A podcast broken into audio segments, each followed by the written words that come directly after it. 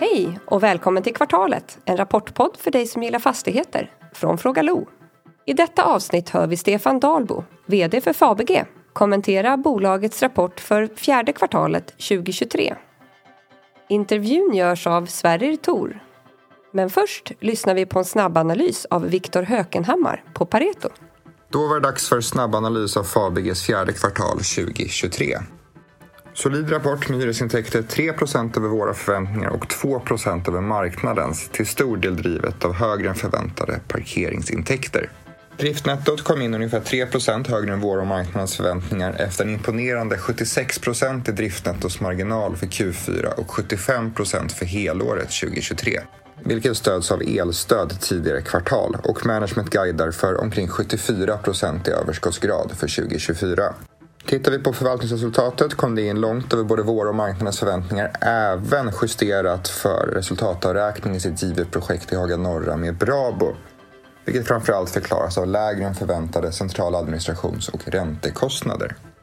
Nettouthyrningen är positiv om 168 miljoner för kvartalet och 165 miljoner för helåret, vilket framförallt förklaras av konverteringar från LOI till hyresavtal med Saab i nöten 4. Vi ser tecken på en fortsatt utmanande kontorsmarknad i Stockholm med något negativa omförhandlingar i genomsnitt, även om merparten av avtalen förlängs på oförändrade villkor, fortsatta långa processer bland kunders beslutsfattande och för första gången på länge har antalet kontorssysselsatta i Stockholm minskat något. Fabege behåller dock sitt mål om en positiv nettouthyrning om 80 miljoner för helåret 2024 och förtydligar på sin telefonkonferens att man har som mål fortsatt att sänka vakanserna från dagens 9 ner till 5 procent. Tittar vi på fastighetsvärdena så är de ner cirka 3% för kvartalet efter en sekventiell ökning av det genomsnittliga avkastningskravet med 18 punkter till 4,43 procent. Och Fabege har nu skrivit ner sina fastighetsvärden med cirka 13 procent sedan värderingspiken 2022. Tittar vi på investeringscaset som vi ser i Fabege är 1. Exponering mot en högkvalitativ fastighetsportfölj med primärt kontor i Stockholm där cirka 40 procent av marknadsvärdet är innanför tullarna och resterande del i väl utvalda delmarknader. 2. Man har en stark balansräkning, begränsad retail-exponering och stor andel räntesäkrad skuld varför vi förväntar oss att räntetäckningsgraden kommer vara högre än sitt interna mål om 2,2 gånger för vår prognosperiod 2024 till 2026.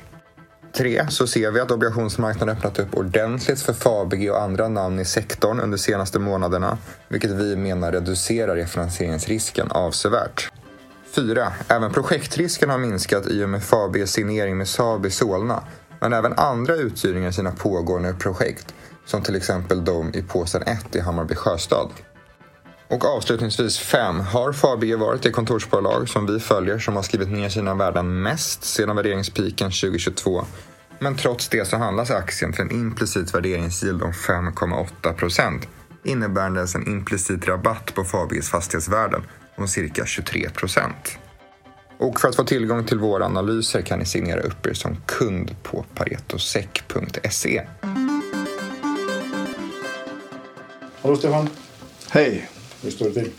Ja, det är bra tycker jag. Mm.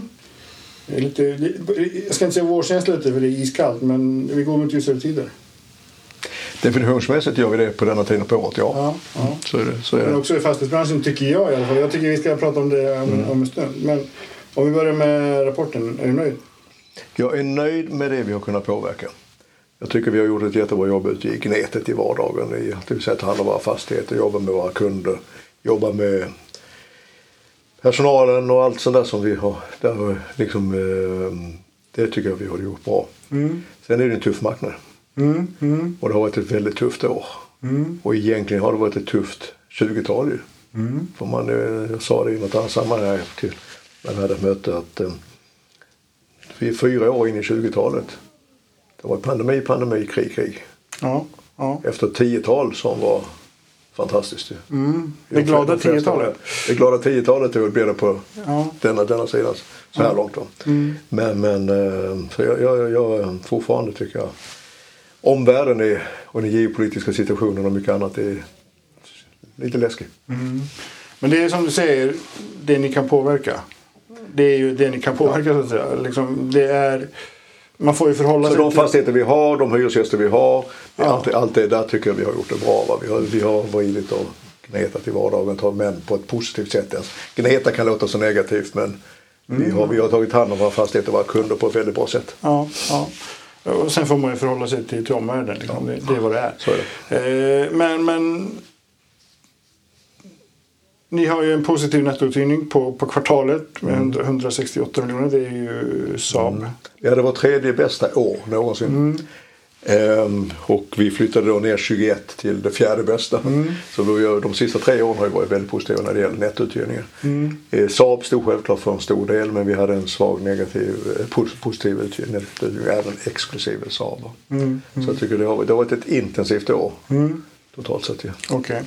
Eh, nettoomsättningen, eh, som är hu- huvudsakligen hyresintäkter, backar ju med 50 miljoner eh, på kvartalet jämfört Mm. med... Det i sig ni, det, ni avyttrade, avyttrade ju en fastighet eller hur? Ja, det, och det är ju en, det är ju en bit. Va? Och sen Ja. så ligger det lite annat i den också. Men, Okej. men, men det som har gått bra, det är ju, vi avyttrade ju två, två fastigheter till en rätt. Mm, två. Och det är klart att de slår på slutet av kvartalet. Mm. Eh, en bit. Eh, sen eh, har vi haft lite positiva, positiv utveckling på parkering. Sen ligger det lite grann när det gäller, på intäkterna när det gäller bostadsutveckling och sånt. Så det är inte helt jämförbart heller. va. Blir parkering, liksom, är det en växande... Jag tycker det är många, det är inte bara ni som pratar om det. Är det liksom ett, ett framväxande affärsområde för, för fastighetsbolagen nationellt? Ja, men det har det alltid varit. Egentligen det är en viktig del av vår, vår, vår, vår bas. Nu är det ju fortfarande marginellt i förhållande till det, men det kan variera. Detta, denna, detta år så hade vi ju kraftigt ökande parkeringar. Det beror väl på ett par bitar. Det ena är att många tog bilen. Dels efter pandemin men också på grund av att vi har ju en jätteutmaning med att pendeltågstrafik och liknande infrastruktur i Stockholm fungerar ju inte. Va? Inte bara i Ja, så, Stockholm. nej, men, men eh, det står ju i Stockholm vi har tyvärr. Det är ju eftersatt och det är problem på många sätt va? med mm. driften. Eh, Sen också, sen har vi infört dynamisk prissättning och jobbar mer med att fylla upp, eh, hela tiden titta på eh, liksom, dynamiken i både plats och hur man utnyttjar platserna och hur man prissätter det. Så att, och det tror jag också bidrar positivt. Så det är inte en femma per timme per definition utan, eller per default? Utan, Nej, du kan köpa per dygn och Ja, okej. per dag. Liksom, och du kan använda platser som kanske an, någon bo, boende använder på nätterna och används på kontoren på dagarna och så vidare. Lite mer dynamik i hur man använder och prissätter parkeringen. Om man nu sätter nettoomsättningen i förhållande till, till eh, kanske framförallt eh, förvaltningsresultatet. mm. Då, då, är, då, då är det ju mycket bättre. Det är ju upp med 110 miljoner på kvartalet. Eh, Från 300, 235 till 345 eh, miljoner. Vad, vad är liksom, vad är, det är kostnader då?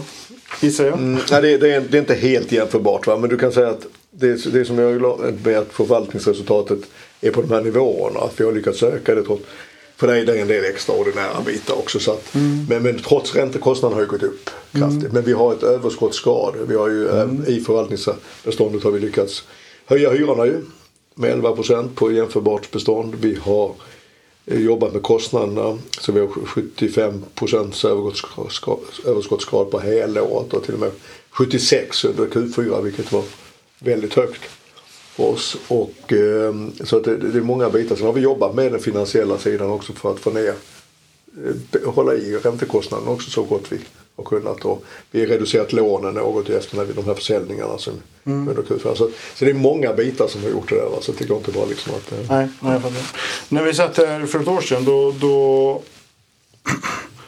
då frågade jag, apropå det här med, med indexering av hyror. Eh, då frågade jag hur, hur klarade liksom, vilka signaler fick ni från hyresgästerna på 11 procents ökningen. Nu är det ju en eh, betydligt mer beskedlig höjning, indexering i, i år. Eller? Men det är fortfarande 6,5 är ändå eh, liksom, en hel del. Och vad får ni liksom för signaler här?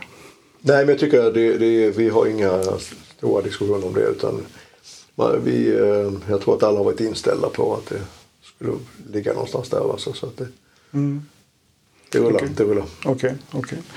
Eh, om vi pratar nu att det är våras för branschen. Det, det händer, alltså, någonting har ju hänt. Vi, vi har pratat om det här i vår, fastighetspanel, vår andra podd. Med, med rådgivarna. Eh, och någonting har ju hänt sen i höstas. Delvis är det ju såklart ränte eller frågan och att, att eh, Riksbanken har pausat, Fed har pausat. Det är de som leder det här såklart. Men det är någonting mer, alltså sentimentet. Det är liksom ingen som pratar om fastighetsbranschen som en systemrisk längre. Nej men jag tror det, det, det var ju brist på kunskap förra året för ett år sedan. Mm, mm. Egentligen att man brist på analys, att man generaliserade och man drog allting över en kam. Jag var så fortfarande så förvånad över att vi pratade om de här 700 miljarder bara som en enda stor klump. Och vi har läst i tidningarna om att det skulle vara en vägg och mm. även myndigheterna pratar om det som en vägg utan att ha delat upp det. Och där har vi kommit mycket, mycket längre.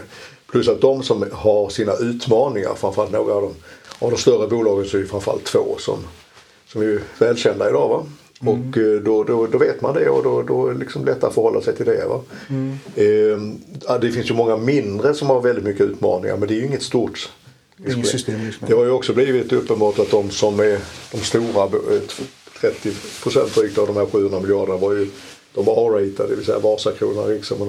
Ja, det, har man, det har man ju mm. analys, det har man insett nu att det, så var det ju. Va? Mm. Och sen, sen fungerar ju finansiellt marknaden och obligationsmarknaden fungerar ju bra nu sen i, sen i höstas. Okay. Och nu i måndags gjorde vi ju två, 600 miljoner på 135 punkter plus Stibor då. Mm. Eh, på två år. Och det är ju avsevärt mycket bättre än vad som har mm. gått. Så det, det har, den biten har kommit igång. Okej, okay, okay, Är allt frid och fröjd då? Nej, absolut inte. Jag tycker fortfarande vi har väldigt mycket kvar att, eh, att eh, alltså från det glada 10-talet om man kallar det så. Mm.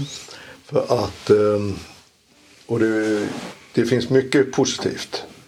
Men eh, det är fortfarande mycket, liksom, om vi tar och pratar eh, totalt sett, som där vi behöver eh, se, liksom, vi behöver få igång transaktionsmarknaden på ett annat mm. sätt. Mm. Stockholm tror jag kanske har gjort lite transaktioner, vi gjorde ju några förra året kanske kommer igång några. Jag tror delar av landet är väldigt dåligt med mm. svårt att göra transaktioner. Vi ser i utlandet att det är vissa segment som är väldigt eh, dålig transaktionsmarknad. Mm. Så pengarna det, det, det, det är väl där med. Va? Mm. Hyresmarknaden tycker jag vi måste ha respekt för också. att det, Vi har osäkerhet kring konjunkturen. Mm.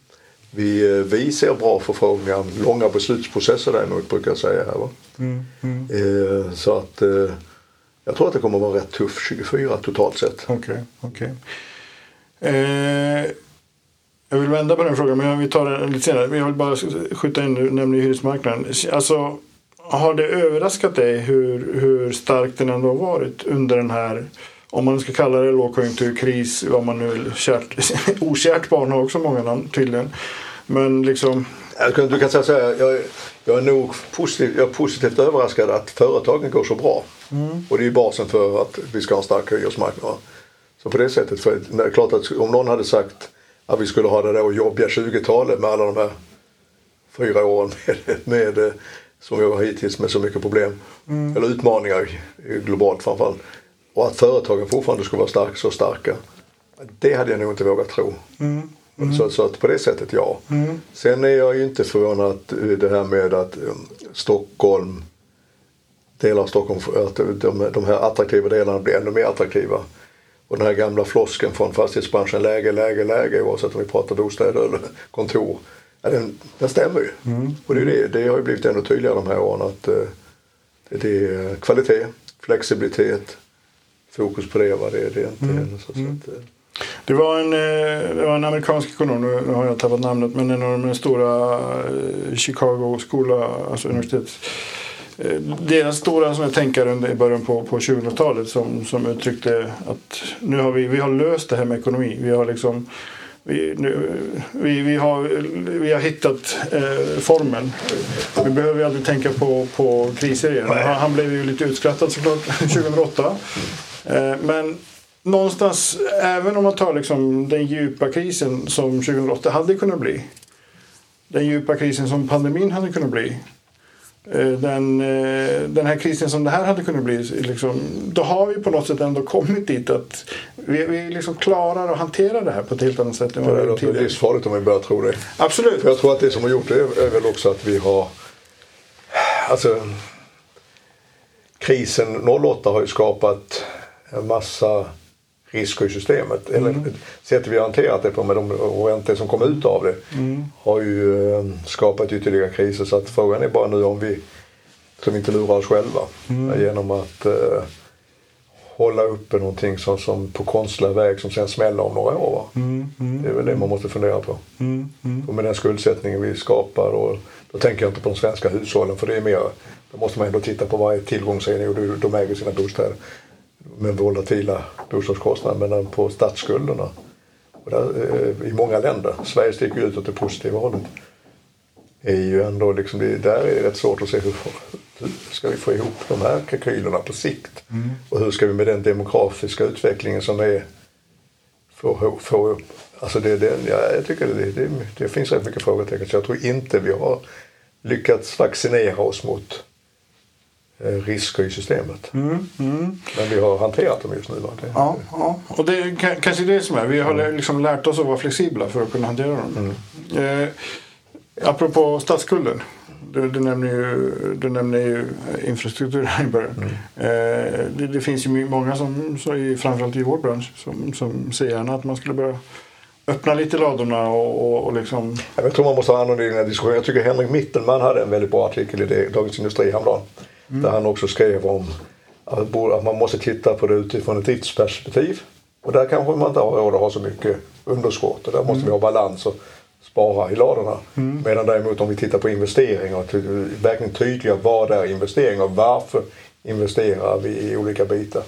Så är man ju nästan som jag tror Gunnar Sträng gjorde det en gång i tiden, att han hade en drift och en investeringsbudget. För att vi kan ju inte underlåta oss att investera i framtiden heller. Vi har eftersatt underhåll på och investeringar i infrastrukturen, järnväg, el, eldistribution. Vi har väl en massa avlopp och vattensystem som börjar se, har sett sina bästa dagar och måste underhållas. Och allt sånt skjuter vi någonstans bara framåt. Och jag tycker att, eh, jag har sagt det i våra andra presentationer också nu, att vi har ett jätteproblem med Stockholm utifrån det här med att det som ska fungera idag, pendeltågstrafik och liknande, fungerar inte tillräckligt bra. Det är för mycket osäkerhet i det. Sen har vi dessutom det som ska krävas för att Stockholm, som attraktiviteten i Stockholm ska fortsätta och eh, bibehållas först och sen öka. Då måste vi få till eh, investeringar i infrastrukturen. Trafiken, vi ser både i Solna och Huddinge. Vi är jätteberoende av att Trafikverket har, gör det de har sagt att de ska göra. Mycket på det sättet står det frågetecken kring tyvärr idag. Bostadsutveckling, bostäderna, bostadsmarknaden i Stockholm. Och ehm, där, där tycker jag det, där har det inte gått åt rätt håll utan snarare tvärtom. Där, där har frågetecknen blivit fler. Va? Så hur mycket jag än tror på Stockholm så är vi beroende av att eh, investeringarna i infrastruktur tar fart. Där. Och sen kan vi inte ta det över hela landet ju. Nej, jag fick ett sms, eller ett mejl dock igår av, av SJs VD. Jag gissar att jag inte är den enda. Där hon bad om ursäkt för att de hade varit så dåliga. Ja, men jag såg någon artikel om det i Ja. tidningen också. Det är, väl, eh, det är väl bra men frågan är vad de gör åt det då. Ja, precis. precis. Och eh, vi har ju pendeltågstrafiken här där de ska byta nu där SJ faktiskt ska ta över ju. Drift eh, och köra dem. Men, men det är för mycket va. För att, eh, och inte minst som sagt för framtida investeringar. Vi behöver titta på överdäckningarna, nedsänkning av Huddingevägen. Vi har Mälarbanan som nu är uppskjuten tror jag till 2043. Alltså det, är, Ja, det, är, det är inte bra för Stockholm. Nej, precis. precis. Eh, om vi pratar lite uthyrning. Ni har fortfarande eh, 8 vakans. Eh, Ja, drygt. drygt. Så ska ner till 5 aviserar du. Hur, Men det är hur, det är långsiktiga målet. ja, hur, hur, hur ska det ske? många träffar.